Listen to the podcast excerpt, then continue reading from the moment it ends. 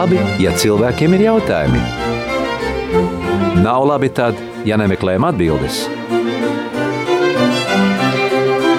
Meklē atbildes kopā ar priesteri valdi piekdienās astoņos vakarā.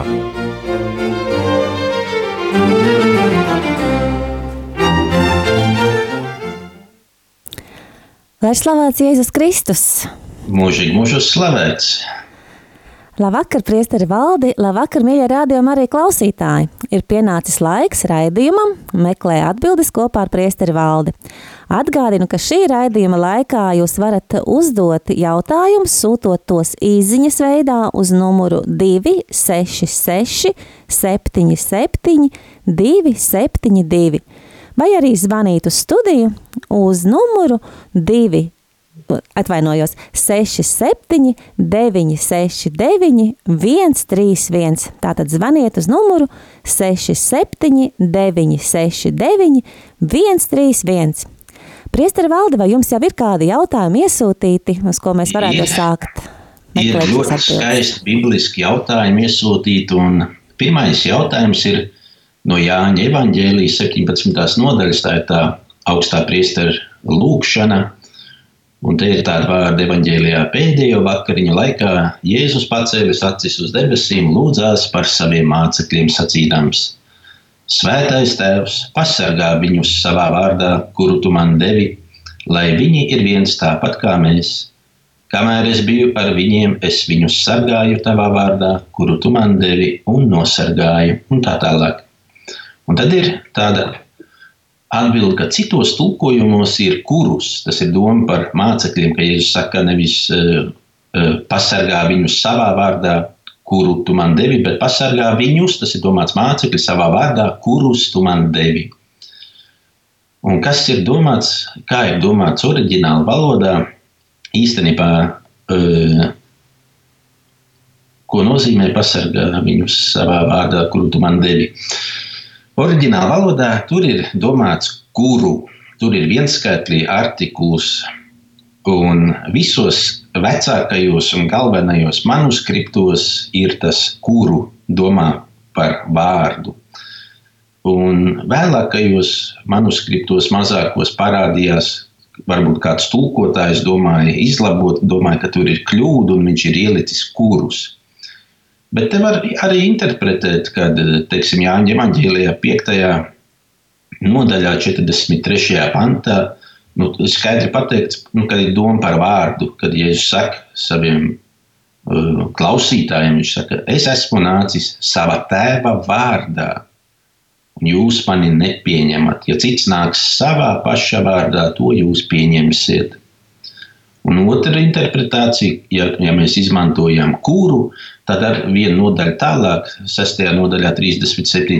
pantā, ir arī Jēzus saka, katrs, ko Tēvs man dod, nāk pie manis, un kas nāk pie manis, es to neatstumšu vai tiešām neatstumšu. Bet īstenībā eh, senajos manuskriptos galvenajos ir arī eh, īstenībā vēl ir grūtāks tas tulkojums, grūtāka interpretācija, Un par cik cilvēkam e, ir tendence kaut ko vienkāršot, tad biblisti šajā e, svēto rakstu kritikā pieņem grūtāko variantu kā oriģinālu. Tāpēc ir runa par vārdu. Jo Jēzus jau pats arī ir Dieva vārds, ienesoties Dieva vārds.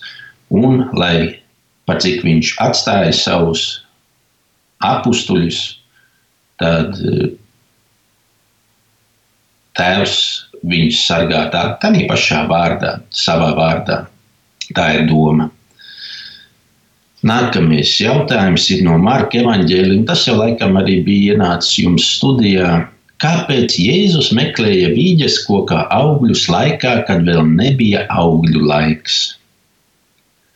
No vienas puses uh, ir uh, biblisti, kuri saka, nav svarīgi, te ir pavisam kaut kas cits doma. Kaut gan pirmā e, vienkāršākā interpretācija varētu būt tāda, ka vecajā derībā bija rakstīts, ja kāds pļāva lauku, viņam bija jāatstāj kaut kas nabagam, ja viņš kaut ko nenopļāva līdz galam, vai ja viņam palika kāds uh, sauja, riekšau, klēpes ar graudiem, lai viņš neietos atpakaļ savākt, ja viņš vāc vīnogas, lai viņš kaut ko atstāja tanīs e, vīnu kokos un tāpat tas arī par vīģiem. Un tad, kad Jēzus e, dodas uz Jeruzalem un viņam sagribas pamieloties ar kādu vīģi, e, varbūt viņš cerēja, ka tas īpašnieks vai saimnieks tam dārzam vai kokam, kas tur ir, ka viņš nebūs novācis visu un ka kaut ko būs kādam svētceļniekam, nabagam, svešiniekam atstājis, un viņš neatrada neko. Un tas varētu, viena interpretācija saka, ka to viņš izdarīja dēļ tā saimnieka, jo tas saimnieks bija tik skops, ka viņš bija novācis visas vīģes. Bet ir, ir otra interpretācija, par šo vīģes koku, tad mums ir jāmeklē vecajā derībā. Jo tas var būt arī simbolisks, kad Jēzus parāda savu autoritāti. Tad, kad viņš dodas uz Jeruzalemi, viņš dodas uz svētnīcu un viņš māca ar autoritāti.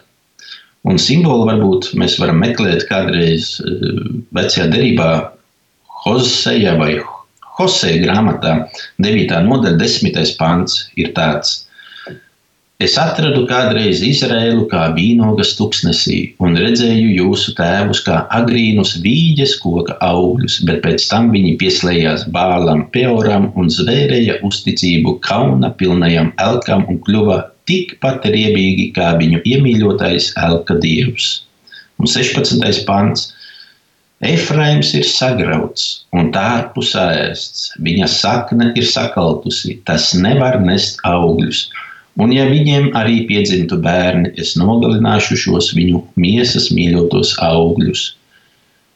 Te ir doma, mēs varam tā garīgi interpretēt par to, ka Izraēla tauta nepieņēma Jēzu, nepieņēma, un arī viņi nevarēja nest augļus. Tāpēc tas Izraēla koks nokalta.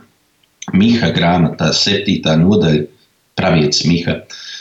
7. nodaļa, 1. pants. Bēdas man, jo man klājas kā tādam augļu novākšanas laikā, kā vīna dārzā salas ražas atlikumus, kad vairs neatrod neviena ēšanai derīga ķekara un arī nevienas pirmās ražas bīģes, ko mana sirds sakāro. Dievs nesagaidīja no Izraēla tautas, ko viņš gribēja no viņiem atklādamies. Arī Isajam pravietim ir tas par vīna dārzu kad kungs iestāda, tas draugs iestāda vīnadārzu, un viņš gaida augļus, saldas vīnogas, bet beigās tas vīnadārs izdod skābas, nebaudāmas vīnogas. Un tāpēc arī tas varētu tā, tāda garīga interpretācija, kāpēc tas koks nokalta. Netipiski vispār Jēzum par to, ka tas ir vispār vienīgais arī Eh, fragments jaunajā derībā, evanģēlijā, kur jēzus kaut ko tā negatīvi iznīcinātu, ja, nolādētu. Un tad ir nākamie jautājumi. Es domāju, par šo jautājumu arī viss. Eh, Jā, droši Jā. vien. Jo tas jautājums jau bija, kāpēc Jēzus nolādēja vīģis koku, un jūs jau tā kā atbildējāt uz to. Jā, jā, jā, jā. jā. tur bija, bija tie divi jautājumi, kāpēc Jēzus mēģina eh, meklēt vīģus kopā augļu laikā. Tur ir tās vairākas interpretācijas. Nu, pirmais par to saimnieku un par to, ka tas nav svarīgi. Tas ir, lai parādītu Jēzus autoritāti, varu un kāpēc viņš šo koku nolādēja un tas nokaut. Tas ir. Un tad no jaunās derības ir, ah, te ir vairāk, vairākas domas. Jaunajā derībā ir vārdi, ka kristietis ir jauns radījums Kristū, vecais cilvēks ir miris. Ko tas praktiski nozīmē? Un otrs jautājums kopā ar šo ir, dzīvojot svētdarošā žēlastībā, piedzīvoju gan kārdinājumus, cīņas, ļaunas tieksmes, tātad vairāk, tas ir, laikam domā, kā jūt vai jūtās kā vecais cilvēks. Nu, mēs tā steidzamies būt eņģeļi, kad uh, svētajos rakstos psalmos ir rakstīts, ka pats svētais septiņreizes dienā grēko, arī svētie bija grēcinieki. Bet ko nozīmē tas jauna, jauns radījums Kristū? Tas ir, ka cilvēks ir atgriezies un viņš ir nokristīts, viņš ir saņēmis šo sakramenti, lai kļūtu par dieva bērnu. Viņš tiek atbrīvots no pirmdzimtā grēka un kļūst par dieva bērnu. Un pirmajā Jāņa vēstulē, trešā nodaļa, pirmais, otrais pants. Redziet, kādu mīlestību Tēvs mums ir parādījis, ka tiekam saukti Dieva bērni. Un mēs tādi arī esam. Pasaule mūs tāpēc neatzīst, ka tā viņu nav atzinusi. Mīļie, tagad mēs esam Dieva bērni. Un vēl nav atklājies, vai bet vēl nav atklājies, kas mēs būsim. Mēs zinām, ka, kad tas atklāsies, mēs būsim viņam līdzīgi, jo mēs redzēsim viņu, kāds viņš ir. Tas ir kristības sakramentā, mēs kļūstam par Dieva bērniem. Un, un, un, un. Tas mūs neatbrīvo no šīs pasaules cīņām. Dzīve arī mums dod šīs cīņas, un tūkstoši tēvi. Vai tas nebija svētais Antonijs, kurš teica, kas var tikt pestīts. Un, ja mums nebūtu kārdinājumu, mums nebūtu nopelnu. Un katrs pārvarētais kārdinājums gūst mums nopelnus, jo savādāk mēs bez labiem darbiem, nu, labi, mēs esam nokristi, bet ja mums nav labo darbu, mēs neesam neko pelnījuši. Mēs jau tāpatās dzīvojam no Dieva žēlastības. Un arī Svētais Pāvils, viņš apzinās to, viņš ir e, Kristus apustulis un Viņš raksta, jo es pats nesaprotu, ko dara, jo nevis to, ko gribu, es daru, bet ko ienīstu, es daru. Bet, ja es to daru, ko negribu, es piebalsoju bauslībai un atzīstu, ka tā ir laba. Bet tad jau vairs es tas neesmu, kas dara ļaunu, bet manī mītošais grēks. Nu, šito te pantu ļoti bieži cilvēki izmanto, lai sev attaisnotu. Ja viņš ir kaut ko izdarījis, tad tas ir grēks, ne viņš, bet Nē, nē, nē, tā nevar. Jo es zinu, ka manī tas ir manā dabīgajā miesā. Nemīt nekas labs, labu gribēt, man ir dots, bet labu darīt ne. Jo labo, ko gribu, es nedaru, bet ļauno, ko negribu, to es daru. Cilvēkam būs šīs cīņas, un ar cīņām par svētumu, par savu to dievu bērnu brīvību, tas ir bez grēka, lai mēs dzīvotu neaptrepot šo dievišķo vaigu mūsos, pēc dieva līdzības, kā mēs esam radīti, mums, mums par to ir jācīnās. Svētie arī viņi svētie, jā, un dievam ļoti patīkam, bet nebija neviens svētais, kurš būtu dzīvojis bez cīņas. Vai nu viņa mocīja kaut kāda ārēja, bet noteikti arī iekšēji kaut kāda kārdinājuma Tā kā mums no tā e, nevajag pirmkārt baidīties no kārdinājuma, bet kārdinājuma brīžos tvērties pie Dieva un būt apņemties būt par tādiem Kristus e, kareiviem. Svētajam Pāvilam daudz ir tāds e, salīdzinājums par to, ka kristietim ir jābūt kā kareivim, vai kā sportistam, vai kādam cīkstonim, kas cīnās, vai kas trenējas, lai iegūtu to laicīgu balvu, kroni, bet mēs, kā kristieši, mēs cīnāmies par to, lai iegūtu nevīstošu godības kroni, mūžību. Un tad, laikam, vēl bija viens jautājums no psalmiem. Jā, bija jautājums par psalmiem, jo, jo parasti mēs tā kā lūdzamies arī par tiem cilvēkiem, kas mums ir darījuši sliktu. Mēs lūdzamies pār viņiem, bet psalm, 55. psalms, 56., 58. un 59. tas skan lūkšana pret viltīgajiem brāļiem, lūkšana pret vajātājiem, lūkšana pret netaisniem. Tad kāpēc šeit ir tas vārds pret lietots? Nu, mums ir jāņem vērā jaunā derība un vecā derība. Tās ir diezgan atšķirīgas savā ziņā. Vecajā derībā vēl Jēzus nav iemiesojies, viņš Dievs nav sūtījis savu vienpiedzimušo dēlu, lai mums mācītu pilnību. Vecajā derībā vēl ir, kā rabīni teica, viņi saka, ka mums ir dota baušļi, baušļi, lai mūs sargātu no Dieva, vai labie darbi, kas mūs sargātu no Dieva. It kā Dievs mums būtu tāds ienaidnieks, soģis, kurš skatītos ko mēs esam izdarījuši, un labie darbi ir tie, kas mūs sargā no dieva soda. Jēzus atnākot viņš mums māca pavisam kaut ko citu. Viņš māca mīlēt, aizejot. Viņš saka, ka mums sūtīs svēto garu, citu aizstāvju, parakletus, kurš mums atgādinās un mūs pasargās no kā? Mūs pasargās no pasaules, no ļaunā. Un vecajā derībā ir vairākas vietas, kur Dievs pats iejaucas, lai, lai, lai teiksim, sakaut Izraēļa tautas ienaidniekus. Met akmeņus no debesīm, vai ienaidnieki apjukuši, viņi paši savā starpā paceļ viens pret otru roku un nogalina. Tā ir vecā derība. Skaidrs, labi, paldies. Es domāju, Nē, ka tas, vēl- tas īstenībā vēl nav Ah, viss. nav viss, labi. Mums, kā eh, jaunajā derībā, mēs dzīvojot pēc jaunās derības, mēs eh, šos te pantus, psalmus, mums viņi jātulko atkal garīgā līmenī. Mums viņi jātulko pret, kas tad ir. Svētais Pāvils saka, mēs necīnāmies pret eh, miesu, mēs cīnāmies pret tām varām, pret garīgajām. Tas ir pret ienaidnieku, pret ļauno garu, pret ļaunajiem gariem, kas mūs kārdina, kas mūs grib novest no pestīšanas ceļa. Tās ir tās cīņas. Un tāpēc mums tā vecā derība mums ir jālasa jaunās derības gaismā. Tas, tas būtu viss. Labi, es domāju, ka mēs varam doties muzikālā pauzē. Un šīs pauzes laikā droši sūtiet vēl savus jautājumus uz numuru 266, 77, 272. Gaidīsim tos! Dievs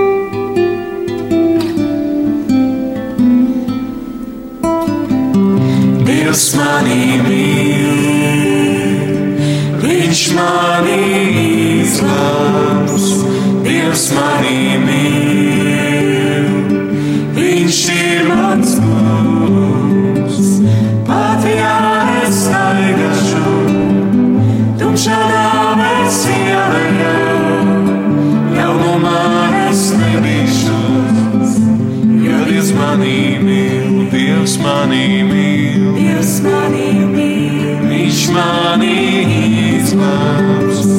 Dievs manī mīl, Dievs manī mīl, Viņš ir mans kungs. Pat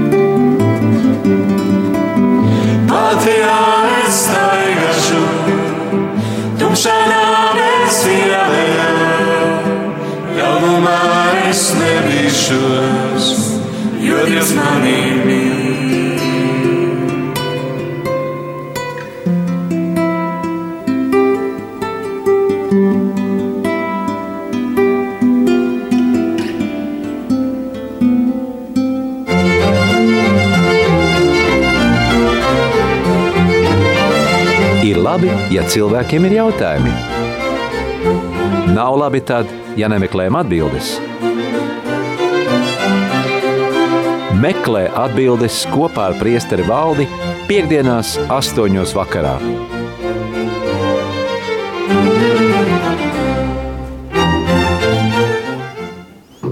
Esam atgriezušies atpakaļ studijā, un mums ir iesūtīts viens jautājums.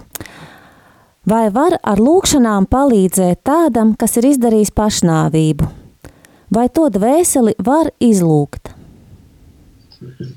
Es domāju, ka nevienam cilvēkam nav iespējams, nav tādas spējas nu, atbildēt, kur tā, tā dvēsele teiksim, ir aizgājusi.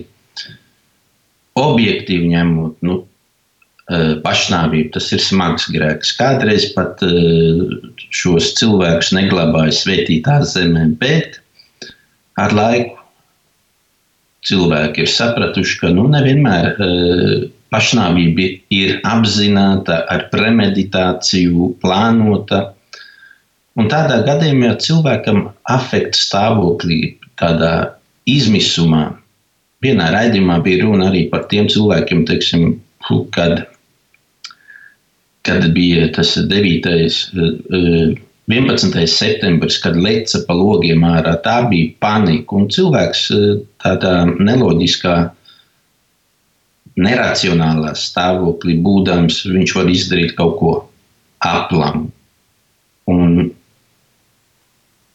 tas nozīmē, ka tas nav pilnīgi gribēts, apzināts grēks, un tas varbūt arī nav nāvīgs. Un es pats esmu bijis personīgi mājās, svētīt, kur kāds cilvēks ir atņēmis sev dzīvību. Un par tiem cilvēkiem, protams, ka vajag lūgties. Mēs nezinām, bet mēs lūdzamies ar paļāvību, kad Dievs būs žēlsirdīgs. Ja?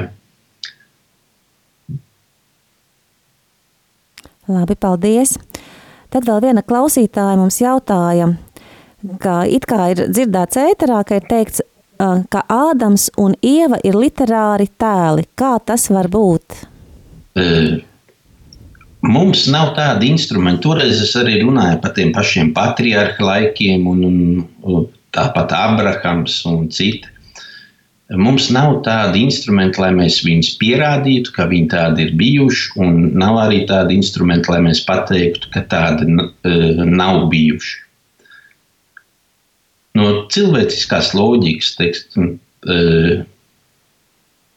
no medicīnas vai, vai, vai vienalga anat anatomijas viedokļa, kā tas ir iespējams. Mēs varam, katrs normāls cilvēks var uzdot jautājumu, kā tas ir iespējams, ka no diviem cilvēkiem vispārējā cilvēks. Mēs nezinām to, un tie var būt izmantot mierīgi kā simbolu. Varbūt viņi tādi ir bijuši, bet noteikti ka tradīcija nu, mums visu nepateiks.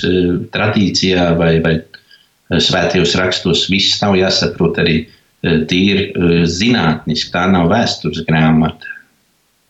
Tā ir atklāsme, kas ir, lai mums atklātu vairāk dievu un pestīšanu, kā dzīvot. Labi, paldies. Vai jums vēl ir kāds jautājums iesūtīts? Man pagaidām jautājumi ir beigušies. Labi, tad lai skan atkal dziesma, šoreiz skanēs dziesma, debesis ir tuvu klāt. Tad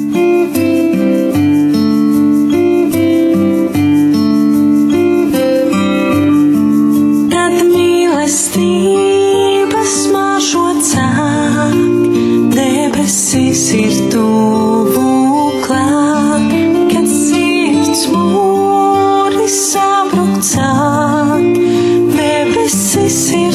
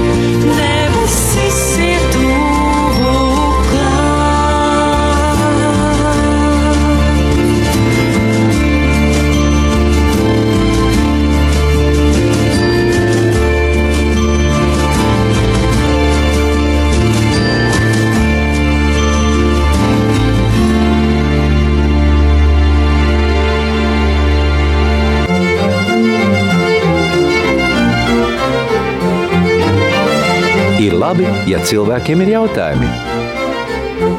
Nav labi tad, ja nemeklējam atbildes. Meklē atbildes kopā ar priesteri valdi piekdienās astoņos vakarā.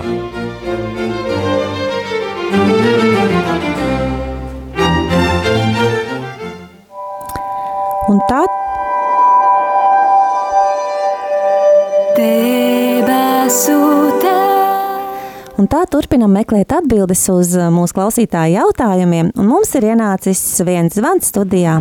Lūdzu, Lai slavēts Jēzus Kristus.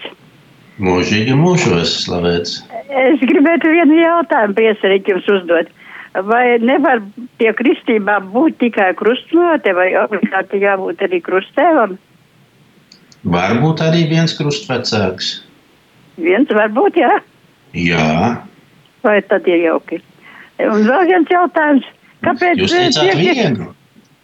Jā. jā. Kāpēc vasaras svētkos ir baznīcā bērzi? Mājā man arī bērzi. Kāpēc tieši bērzi nevis citu prieku koki? Nu, tāpēc, ka Latvijā ir bērns, būtu citur, Ah. būtu citu koki. Ak tā, jā, tā kā vienkārši, jā. Tad man man viens cilvēks prasīja, vai obligāti jānoņem vainagi pēc 40 dienām no kapiem. Kāds tam sakars tur ir? Nezinu, sakars. Tas ir visādas lokālās un tradīcijas, dažādās valstīs ir visādi. Kā, bet tā jau obligāti nav tur čuču. Nav Ja vēl, pa, ja vēl Jā. pavada bez priestera un, un nekāds sakars tur nav ar tam 40 dienām taču. Es domāju. Nu jā, tā es arī viņiem teicu. Protams, Jā, nu. labi pateicāt. E, Paldies jums priesterīt. Nu, jums paldies par jautājumiem. Ar Dievu. Atā, Dievu. paldies! Tā, un jautājums ir mums vien- ienācis arī īziņas veidā, un to es nolasīšu. Kāpēc apustulis Pēteris katoļu ticībā ir uzskatīts kā pirmais Romas pāvests? Pēc evaņģēlija viņš nekad Romā nav bijis. Vai mēs kā katoļi spekulējam uz tādu notikumu? Mateja evaņģēlijas 16. nodaļas 18. pantā Jēzus Pēterim sacīja: Tu esi Pēteris, un uz šās klints es gribu celt savu draugu, un ēles vārtiem to nebūs uzvarēt.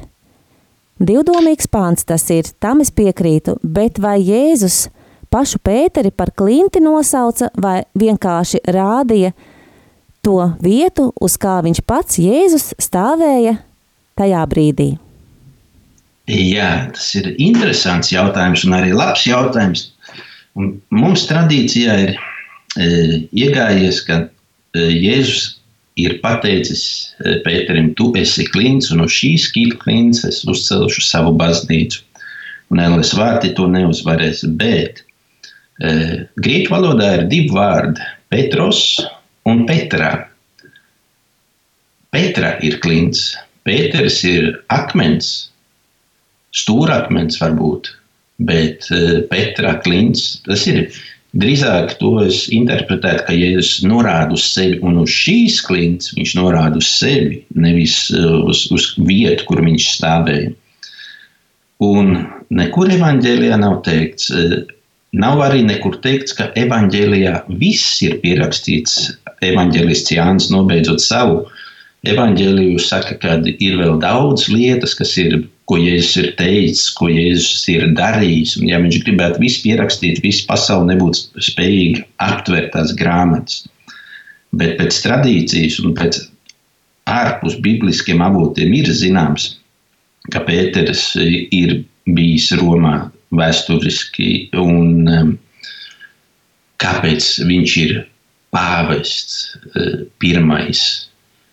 Bet, bet tas, tas jau izriet no evaņģēlīja. Tas izriet no evaņģēlīja. Tas ir šie, šie paši vārdi, ko Jēzus saka, tu esi Pēters, un uz šīs klinces uzcelšu savu baznīcu. Un Jāņa evaņģēlijā pēdējā Jēzus uh, pēc augšām celšanās parādīšanās reizē, uh, trešo reizi, kur viņš atklājās apstuļiem pie Galilejas ezera. Viņš eh, Pēterim, Jēzus Pēterim trīsreiz uzdod jautājumu, Pēter, jā, Jāņdēls, jā, vai tu man mīli? Un viņš Pēterim saka, gani manas avis. Tāpat arī, kad Jānis un Pēters dodas uz kapu. Jānis neiet kapā, kamēr nav ieradies Pēters. Vairākas reizes arī sinoptiskajos evaņģēlijos Pēters ir tas, kurš runā visu vārdā.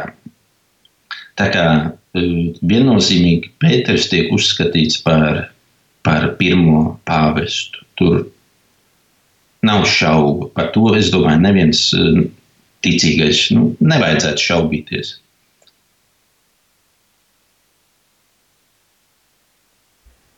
Kāds, kas tur vēl bija, kāds konteksts, varbūt vēl kāds jautājums, vai mēs spekulējam ar to, ka viņš ir pāvests. Nu, no tā viss izriet, ka nē. Un arī ir tā leģenda, ka Pēters jau no Romas mūka bēg, un eh, Romā vēl ir baznīca, kas tiek nosaukta Ko vadīs, ko vadīs dominē. Ir tāda leģenda, ka Pēters mūkot no Romas, kad bija jau iesākušās jūdu un kristi, kristiešu vajāšanas, un Pēters mūk jau pie Romas perifērijas, viņš skatās Jēzus, Jēzus satiek, kurš dodas uz Romas pusi, un viņš uzdod šo jautājumu latīņu valodā, tas, ko vadīs dominē, uz kurien tu dodies, kungs? Jā, tā doma ir tāda, nu, kurp dodies, kungs? Un Jēzus Pēterim atbild, es eju vēl vienreiz nomirt, un tad Pēters atgriežas, un viņš iet atpakaļ un, un tad Vatikāna kalnā pie eh, Pētera bazilikas. Eh, Pēters arī tiek nogalināts, nonāvēts.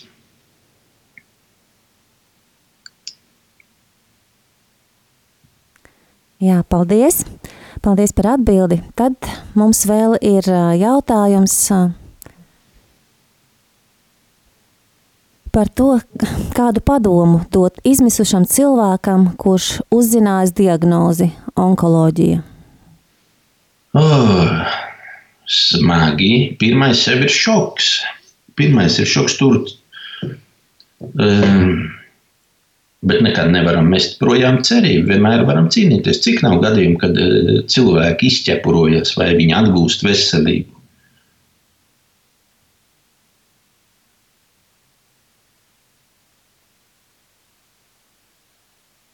Tas ir atkarīgs arī no, no dažādiem gadījumiem. Nu, es esmu vairākus cilvēkus esmu uh, pazinis. Nu, es zinu arī tādus, kuri ir izķepurojuši, es zinu arī tādus, kas ir mūžībā. Uh, Es runāju ar daudziem, un lielākā daļa nav zaudējuši cerību. Viņi visu laiku ir cīnījušies. Es piekrītu, jā, ka šie cilvēki noteikti cīnās un tic līdz pēdējam.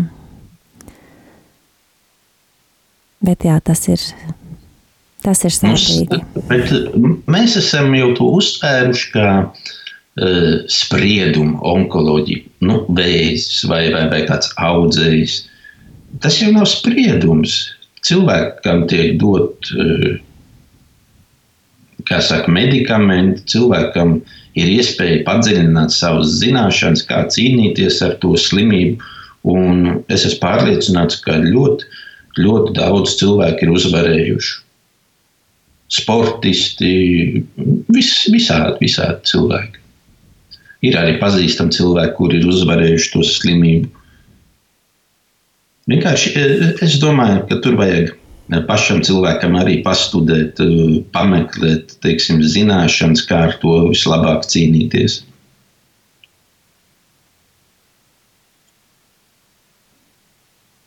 Jā, paldies jums! Ir mums iesūtīts vēl viens jautājums. Jēzus līdzība par nekrietno kalpu māca, ka Dievs mums daudz piedevis un mums jāpiedod tuviniekam. Kā ir ar klientu, kurš ir pieņēmis veiktos darbus, bet ilgstoši nemaksā rēķinu? Vai var ar tīru sirdsapziņu izmantot parādu piedzinēju pakalpojumus? Nē, nu, ja cilvēks ir nekaunīgs, tad Es domāju, tad mierīgi, likumīgā kārtībā var, var censties panākt savu taisnību. Tas jau nav piedot. Piedot tas nenozīmē, ka es ļauju citam cilvēkam sev kāpt uz galvas. Nekad piedošana nesaistās ar cilvēku, kurš negrib laboties.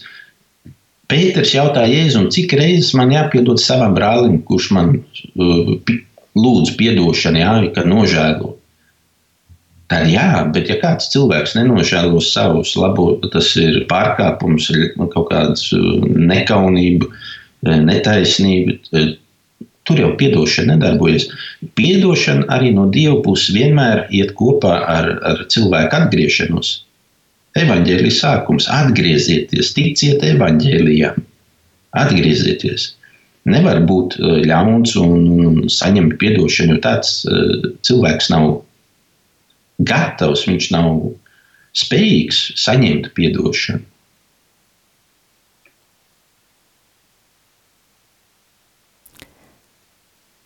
Paldies! Es domāju, tas ir skaidra atbilde. Jā. Ja, ja nav iespējams, cilvēks atnāk un viņš saka, man nav tagad līdzekļu, es neesmu saņēmis algu, tagad ir smaga situācija, pacieties. Nu, cik ilgi? Ja? Bet, ja ir, ja ir nekaunīgs, tad es domāju, nu, tad ir vienkārši iestājās likums. Mīlestība sākas tur, kur beidzas likums. Labi, tad lai skan dziesma Dieva mīlestība.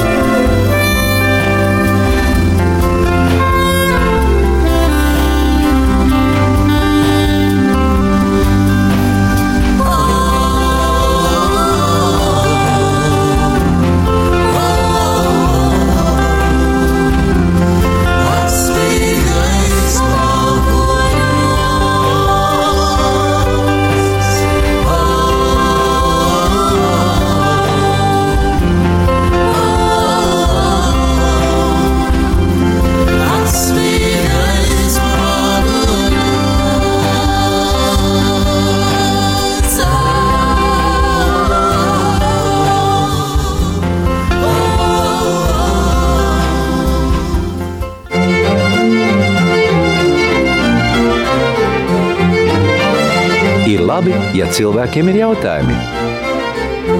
Nav labi tad, ja nemeklējam atbildes. Meklē atbildes kopā ar priesteri valdi piekdienās astoņos vakarā.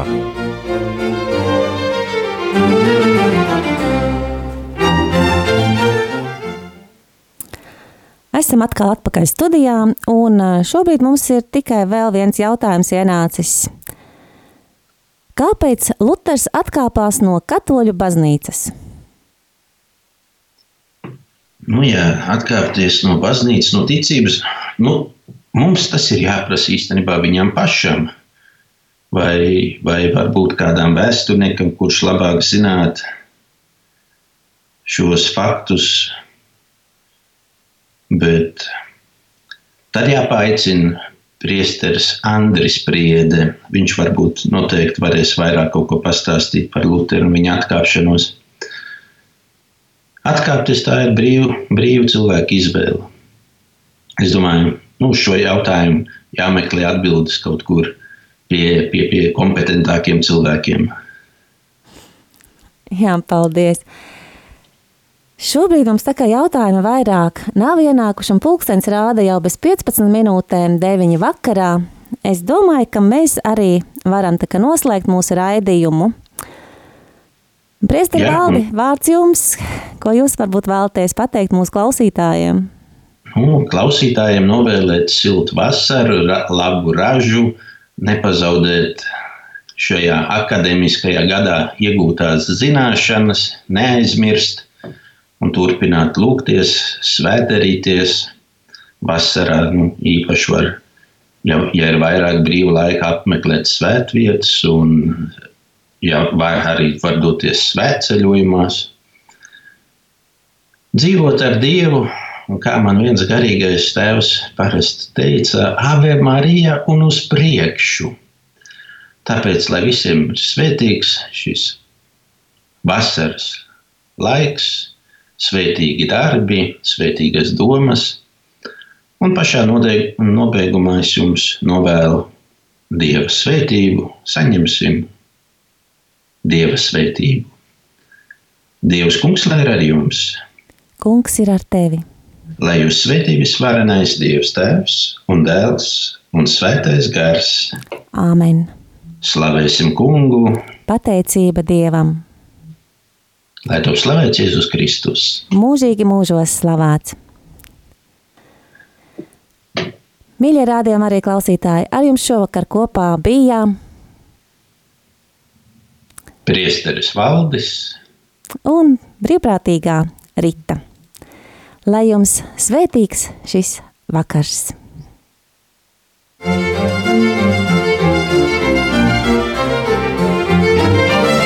Ir labi, ja cilvēkiem ir jautājumi. Nav labi tad, ja nemeklējam atbildes. Meklē atbildes kopā ar priesteri valdi piekdienās astoņos vakarā.